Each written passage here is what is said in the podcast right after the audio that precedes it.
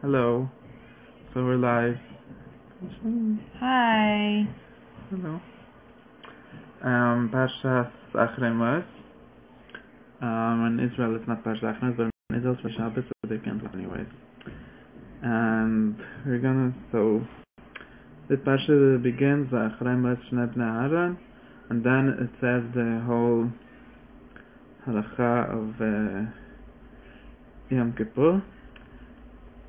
And there's so there's several levels between these vis how the how the story that uh, Nadav Avihu died because they were not um their is big enough or they didn't have enough yira basically they weren't didn't have enough um they were like somehow too uh too much in love with the whole idea of Mishkan and to respect mm-hmm. and then after that we have the story of Yom Kippur which is the whole like when you do allowed to go into the Kodesh HaKodeshim without, like when it's allowed.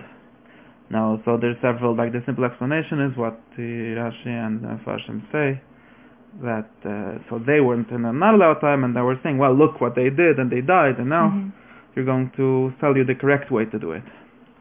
But that is only a very simple level of explanation. And the more previous level is that actually in the through the story of Yom Kippur is actually something which transcends what they did. So an Acharemot was translate like it can be after after they died, or the the real translation would be post they died, meaning um me'evel to their death.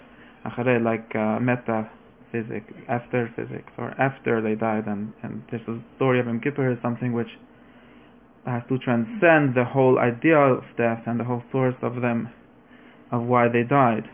And in other words, this means that when we uh, when the Kohen Gadol goes in Yom Kippur and the Kodesh HaKadoshim is not in the sense that well now he is following the halacha and he is going according to Moshe Rabbeinu and he is going to Mishkan when he is allowed. He is reaching such a kind of space and such a kind of level where he does not have to ask permission. And when they not ask permission, is not punished like in the lower level as as Nadav got punished because they were in the lower level.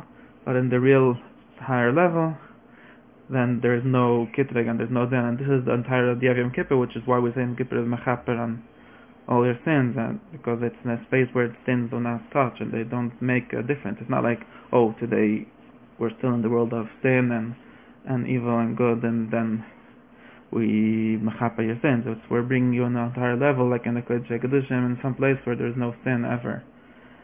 And there's a lot of um, uh, illustrations of this idea. I like to say the story of the Mittler Rebbe that um, people used to come to him complain that they can't be mechaven by davening. They have their stuck. Their mind is set in all kinds of um, regular things. So he told them, well, instead of thinking when you when you must think of Hasidus before then like kiss, we shouldn't think of like small madragas like Olam Atzilas you should think of madragas before that Tzimtzum, before there was any creation, and since in those madragas there was there's not any kam because it was before anything, so it's going to be easier to be mechavan. In other words, instead of going through the regular way, we just go in a shortcut and we just go higher, and we go in a place where there's no question of sin and there's not even the existence of sin. It's like a and it's like same thing as mavet is is uh, encompass all kinds of problems that we have in our week and our life, and we're going beyond that to find a space like Yom Kippur, like Jose ever had in Al in some holy space which is beyond the weekly and day-to-day concerns.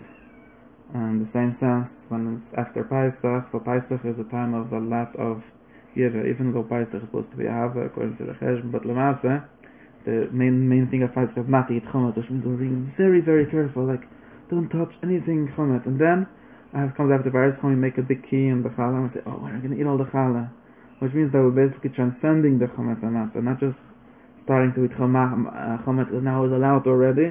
Now we already get to a level like achalemot that we're already not being mityaches to the whole concept of chometz. And now we can eat chometz freely because so I was studying Pesach and we were discussing the Rebbe of Lublin said that when someone is Madraga Vahava, then he doesn't have to be so much concerned with all kinds of things and being uh, so much on every halacha because that's from the Madraga Vira and I have a higher Madraga.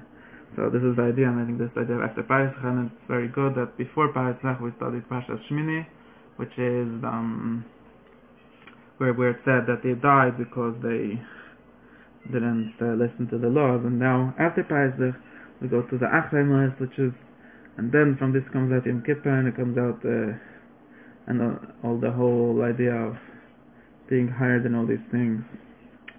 So that was my idea, and it's also relevant to some other things and we should be Acharei and we should find some Yivay Kodesh over there and have a wonderful Shabbos with a lot of chametz and a lot of love.